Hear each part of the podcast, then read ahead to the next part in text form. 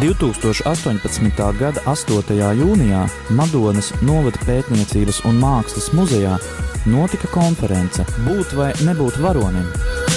Piedāvājam ieskatu šajā konferencē.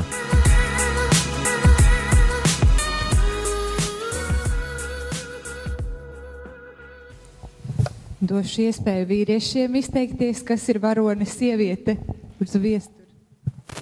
Nu, es eh, nu, negribu šīs eh, jauna, jaunās genderisma eh, tendences par varonības dzimumu. Es uzskatu, ka varonībai nav dzimumu, un, un tādā ziņā varonība ir pielīdzināma tiešām dievam, kas arī, kam arī nav dzimumu. Man liekas, varonībai nav dzimumu. Mēs tiešām varam runāt par dažādu laika, laika ietekmētu tie, tiešām šo vīriešu sievietes lomu, bet varonība, es domāju, nav dzimumu. Jā, pēc šu, šīs dienas, es domāju, mums ir ļoti daudz dažādas pārdomas, un arī noteikti ir raisījušies dažādi jautājumi.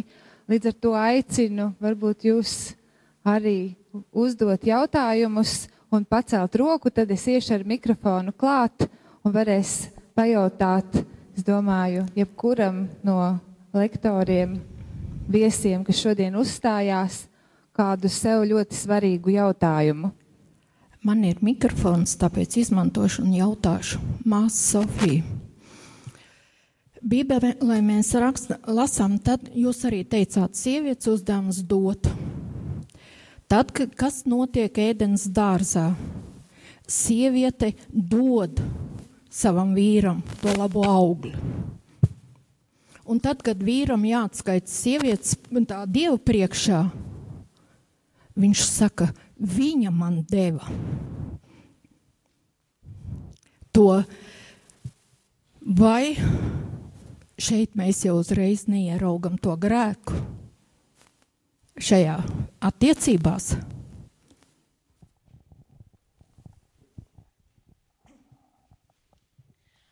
Runājot par to, ka sievietes uzdevums ir dot, es tieši domāju par uh, cilvēka dabu. Jo tā, ka cilvēks ir radīts pēc dieva attēla un līdzības, mūsu dievs ir trīsvienīgs. Tas ir dievs, kas nemitīgi dzīvo attiecībās. Un šī došana un saņemšana notiek nemitīgi. Un tāpēc uh, sievietes, tāpat kā arī vīriešu aicinājums ir dot. Bet e, es te mazliet e, polemizējot ar to, ka varonībai nav e, dzimuma, es pateiktu, es uz jūsu arī atbildēšu, bet man ļoti gribētos par to pateikt, ka šīs teikums, ka cilvēks ir radīts pēc dieva attēla un līdzības, jo Bībele saka, radīts pēc dieva attēla un līdzības, un viņš radīja vīrieti un sievieti. Un, piemēram, es gatavoties šai konferencei lasīju Jāņa Pāvila otra apustulisko vēstuli par sievietes cieņu, un viņš tieši raksta, ka tikai tieši vīrietis un sieviete parāda mums, kāds ir Dievs. Ne tikai vīrietis, ne tikai sieviete, bet abi divi. Un viņš runā par to, ka tikai vīrietis kā vīrietis un sieviete kā sieviete dod priekšstatu par, par to, kas ir Dievs. Arī vecā derībā runā par Dievu, kā viņš ir gan tēvs, gan māte. Eh, protams, ka Dievam nav dzimuma. Var teikt, ka viņš pārsniedz dzimumu. Viņš ir gan, gan. Viņa, viņa, viņa ir gan tevišķīgais, gan mātišķīgais, un tāpēc tomēr ir zināmas īpašības, kuras mēs varam pateikt, ka tas pieder sievietes varonībai, un ir īpašības, kas pieder vīrieša varonība. Es esmu par šo tēzi. Bet runājot par, par jūsu jautājumu, tad, kad Ieva dod, viņa dod nepareizi. Un tur sākas grēks, ka viņa dod uh, to, kas ir ļauns. Viņa uh, tieši neizpilda savu uzdevumu, jo cilvēka uzdevums ar sievietes uzdevumu dot uh, otram to, kas ir labs. Vir,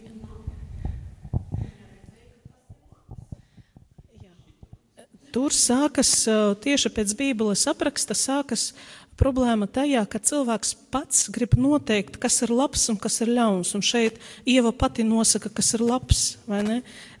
Bet šo robežu nosaka tikai Dievs. Kāpēc? Tāpēc, ka labais un ļaunais ir kaut kas objektīvs. To mēs nenosakam. Tas vienkārši ir. Mēs varam to atklāt pareizi vai nepareizi, bet tas vienkārši ir. Un arī runājot par to, ka Ādams teica, viņa ir vainīga, šeit es pieminētu tomēr vīrieša varoņa vienu īpašību. Man liekas, ka vīrieša varoņa īpašība, tā kā arī aprakstīta Bībelē, ir atbildība par sievieti un par ģimeni. Un, kad notiek grēks, tas tieši ievaino šo atbildību. Viņš saka, es ne viņa. Un tas notiek arī cilvēka ievainotajā dabā, ka vīrietis negrib uzņemties atbildību. Tad, kad vīrietis negrib uzņemties atbildību, tad sieviete uzņemas atbildību vīrieša vietā un sākas hauss. Jā, jā. jā. Tumsa un gaisma vienmēr ir līdzstāvoša. Nevar bez vienas un nevar bez otras, vai ne? Aicinu vēl uzdot jautājumus.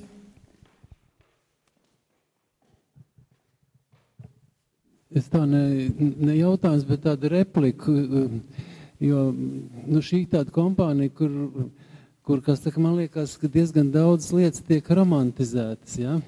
Un es kā ārsts, kam ir tāda bioloģiska izglītība, es nu, gribu vienu tā bišķiņu pagriezt tādu, uh, tādu varbūt dabas zinātniskā virzienā to, to, to, to kontekstu, ja? Uh, es esmu domājis, kāda atšķirība ir starp cilvēku, sievietes un vīriešu attiecībām un, piemēram, tiem zivju ērgļu pāri attiecībām, kuras mēs varam vērot tagad tiešraidē internetā. Ja? Ir interesanti, tad, tad šī zivju ērgļu mātīte, viņa, viņa izdēja olu, bet uz olas sēž abi tu sildi un izperē bērnu abi. Ja? Uh, un baro arī abi pēc, uh, pēc kārtas. Ja? Viens, um, viens paliek pie mazuļa, un uh, ja? otrs um, lido pēc barības. Uh, tā, uh, teiksim, te, šis bioloģiskais fakts, kad, kad um, šiem putniem nav dzemdes un nav krūšu, uh, nostāda tos it kā vienlīdzīgākā pozīcijā. Bet cilvēks uh, ir tā uzbūvēts, ka šī ola, uh, šo olu uh, silda tikai sieviete. Tas nozīmē, tas bērns ir iepriekš noteikts, ka viņš ilgāk būs pie sievietes. Turklāt tas, ka sievietē ir krūtis, nosaka to, ka arī pēc dzimšanas viņš būs ilgāk pie sievietes. Un tas rada tādu disbalansu, kas ir bioloģiski determinēts, ja? Kas, manuprāt, kaut kā arī saistās ar to iedzimtā grēka jēdzienu, ja? kad es esmu grēcīga kā sieviete iedzimti tādēļ, kad um, man ir lielāka vara turēt bērnu pie sevis. Ja? Tad, tad uh, man ir lielāka, uh, nu, būtībā, uh, iespēju to, bēr, to, eh, to bērnu saglabāt disharmonijā, ja, bez tēva. Eh, eh, man liekas, šis ir tāds svarīgs aspekts. Bet runājot par sieviet, sieviešu varonību, man ir um, tāda vēsturiska atkāpe. Ja? Ir um, vēsturnieka pētījums, es tagad nenosaukšu uzvārdus, ja? bet tas ir akadēmiķa stradiņa uh, rediģētajos četru sējumu tajā, tajā, tajā darbā, pirmajā sējumā par um, demogrāfiju, par dzīves ilgumu, um, kas ir uh, Latvijā dzīvojošajiem cilvēkiem, kas ir ņemts no arheoloģiskā materiāla izpētot. Ja? Un no tā iznāk, ka teiksim, līdz 18. gadsimtam Latvijas teritorijā dzīvojoša sieviete vidēji ir dzīvojusi 33 gadus, un mirusi piektajās dzemdībās. Tad tagad padomājiet to, to teiksim, pamainām lomas un iedomājamies, ka mēs esam tā sieviete, kur paliek stāvokli 18. gadsimtā vai 16. gadsimtā vai nu, tajos laikos, kad nebija dzemdību palīdzības. Ja? Tad faktiski viens pret pieci, ka tu nomirsi. Tad grūtniecība tas nozīmē 20% uh, iespēja nomirt dzemdībās. Un bērnu mirstība līdz gadu vecumam 25%. Viens pret četri, ka tavs bērns nomirst. Ja? Un tu esi palikusi stāvoklī, Un uh, tev neviens neprasa, tu gribi vai tu negribi. Tu, tev ir jādzemdē. Tev nav izvēles.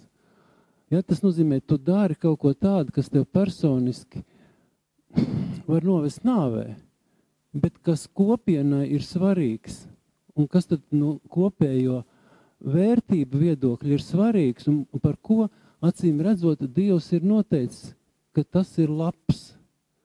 Ja? Tad, tad man šķiet, ka no, ja no šāda uh, konteksta paskatās uz uh, sievieti, tad to var nosaukt tiešām par varonību, tad, tad dot to, kas uh, tev ir visdārg, varbūt tev visdārgākais, ja? jo varbūt tu pirmajās dzemdībās nomirsi, Un no, no, šī, no šī konteksta skatoties, protams, es domāju, ir, ir, ir, nu, ir jāpievērš uzmanība tam, ko katoļu baznīca domā par abortiem un par um, kontracepciju. Ja?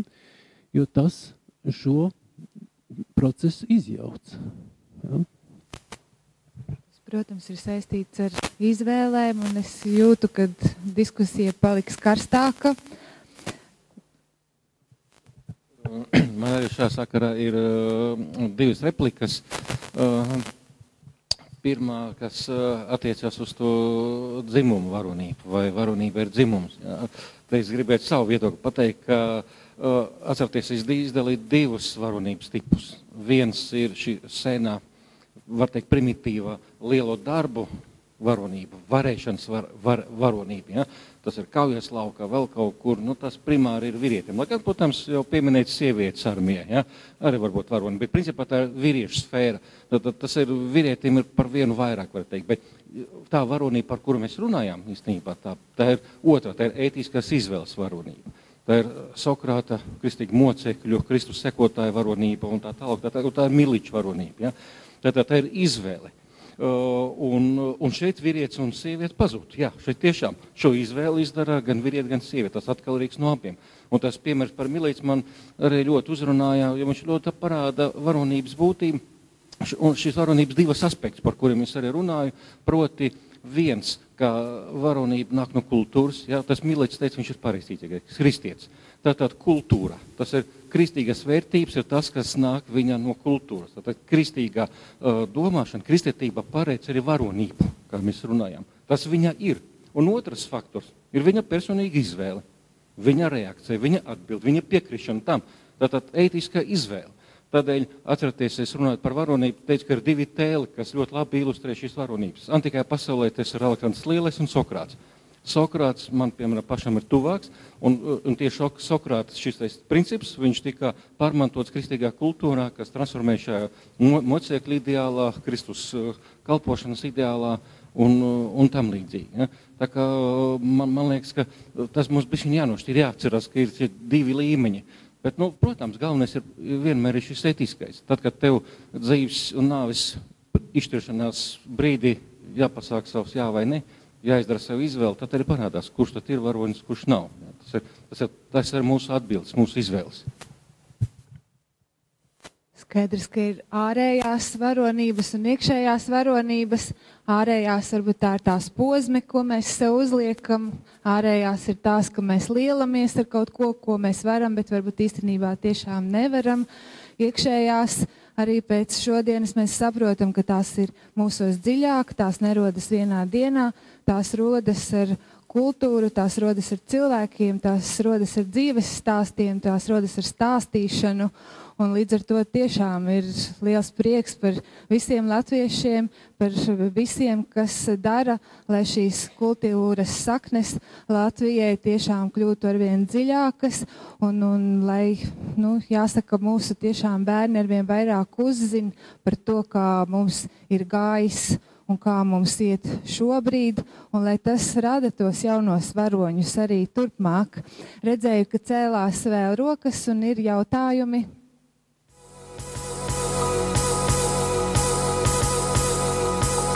2018. gada 8. jūnijā Madonas novada pētniecības un mākslas muzejā notika konference Būt vai nebūt varonim. Piedāvājam ieskatu šajā konferencē.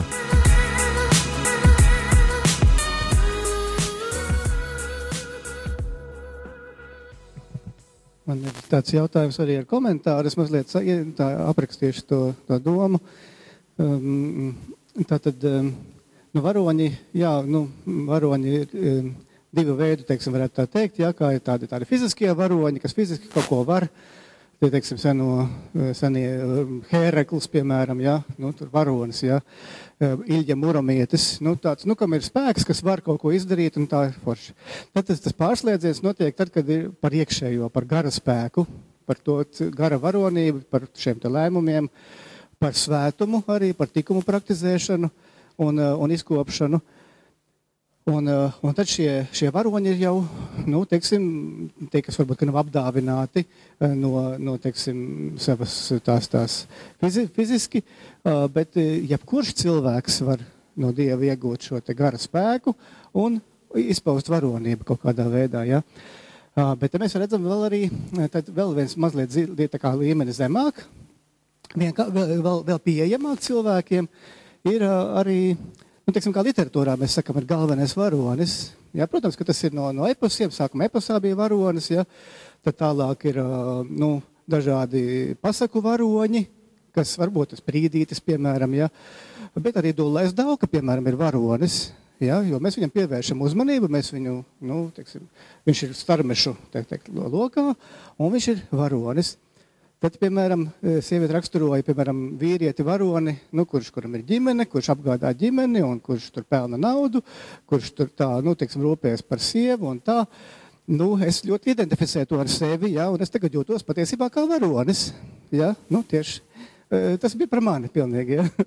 Eh, arī jebkura sieviete tikpat labi, teiksim, kur ir dzemdējusi, ir iz, izdzīvo, pirmkārt iznēsājusi, upurējusi savu eh, šo deviņu mēnešu laiku, lai iznēsātu to bērnu, lai viņu dzemdētu sāpēs tad varbūt vēl saņemtos pat vēl otram, varbūt trešam, ceturtam, varbūt piektam bērnam, kad ir jārūpējas par vitamīniem. Visa diēta jāpakļaut tam, lai, lai būtu, lai tā izdzīvotu pati un lai izdzīvotu, tas bērns izdzīvotu. Nu, tā tā arī ir varonība, vai ne? Un man ir jautājums, kas tad nav varonis? Varbūt kāds var atbildēt.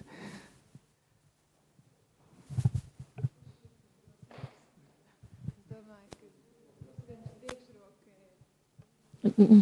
Jā, nu, patiesībā tā ir ļoti plaša tēma, jo, jo folklora patiesībā viņi arī galvenokārt runā par to, kādam nevajadzētu būt varbūt ideālam vai varonim. Un kas pats dīvainākais, ja atkal mēs atgriežamies pie vīriešu sievietes varonības, tad vairāk tiek vētīta sieviete nekā vīrietis.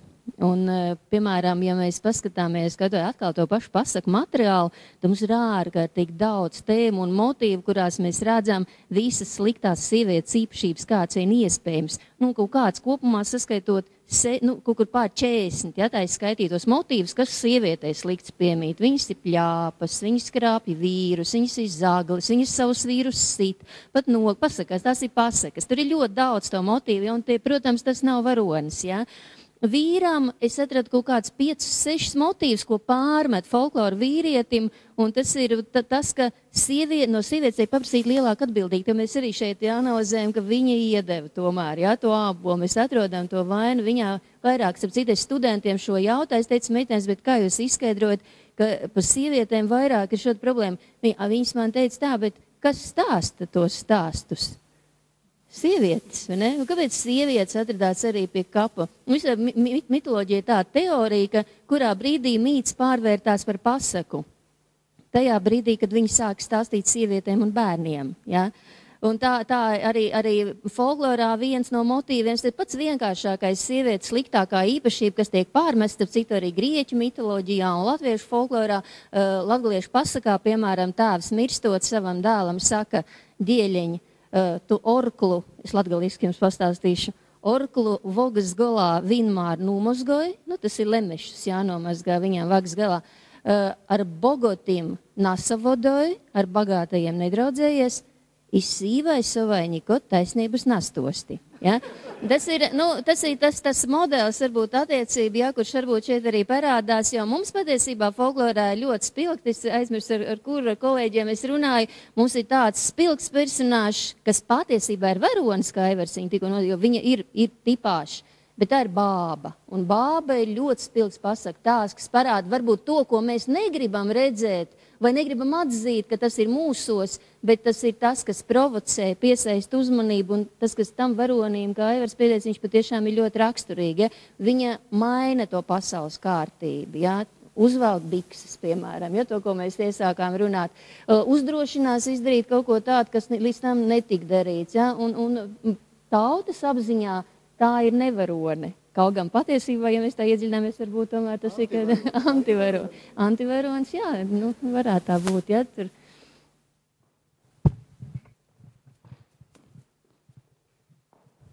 Jā, tā kā jūs faktiski jau atbildējat uz jautājumu vienu daļu, ja, kas nav varonis, antivaronis, bet es mazliet citu lietu gribēju uh, redzēt. Es uh, iebilstu pret uh, nu, tādu varonības ikdienišķošanu.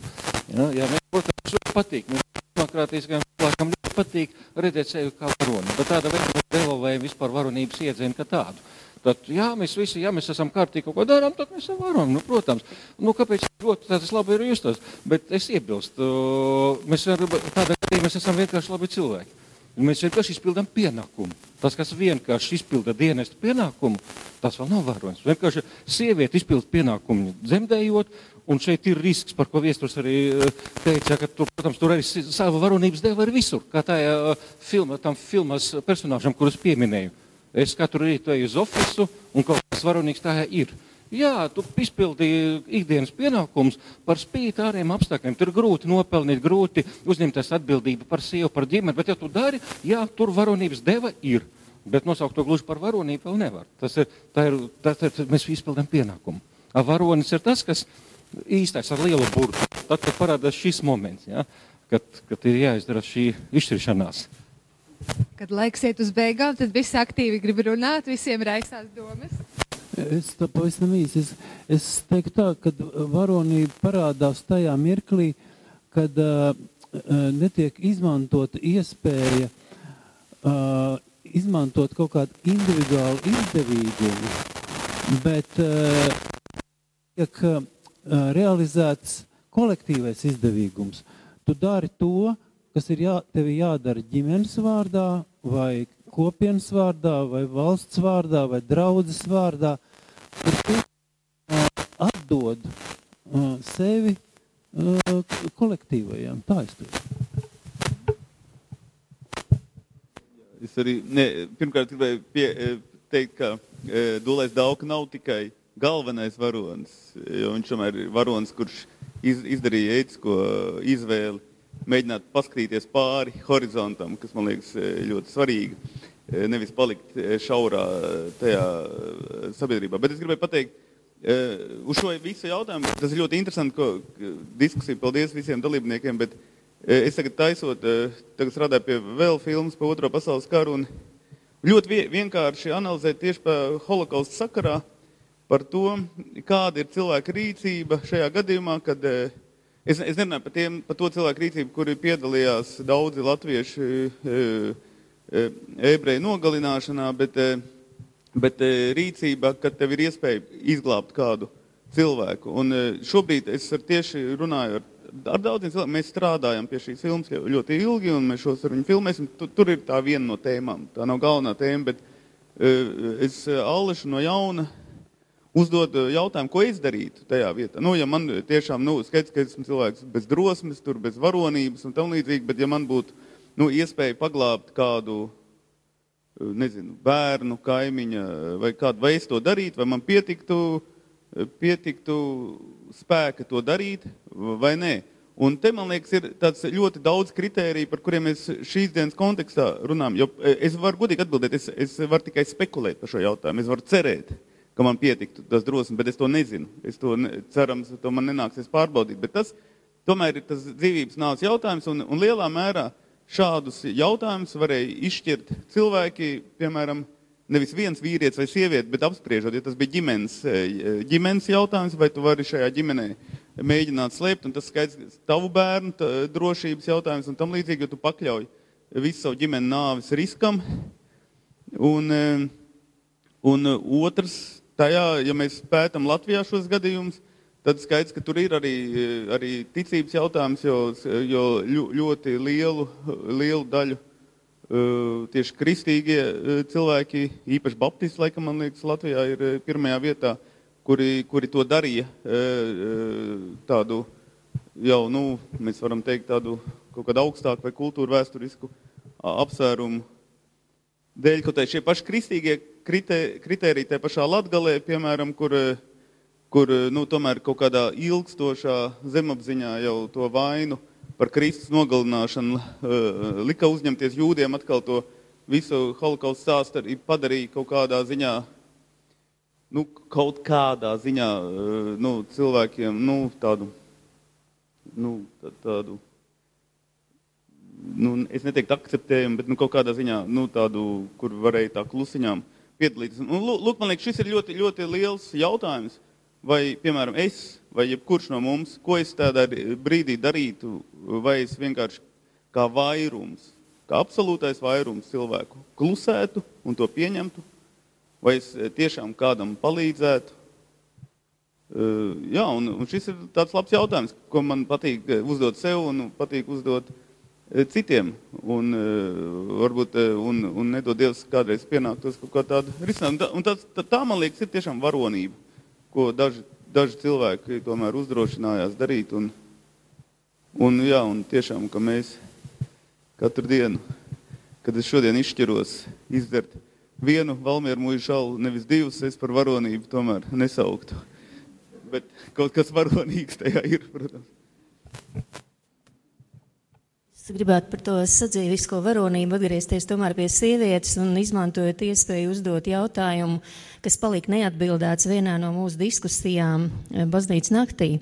Un eh, mēs runājām nu, pēc atkal par sievietes lomu un uh, svēto laulību, ko Dievs savienojas, to nebūs šķirt šo atziņu.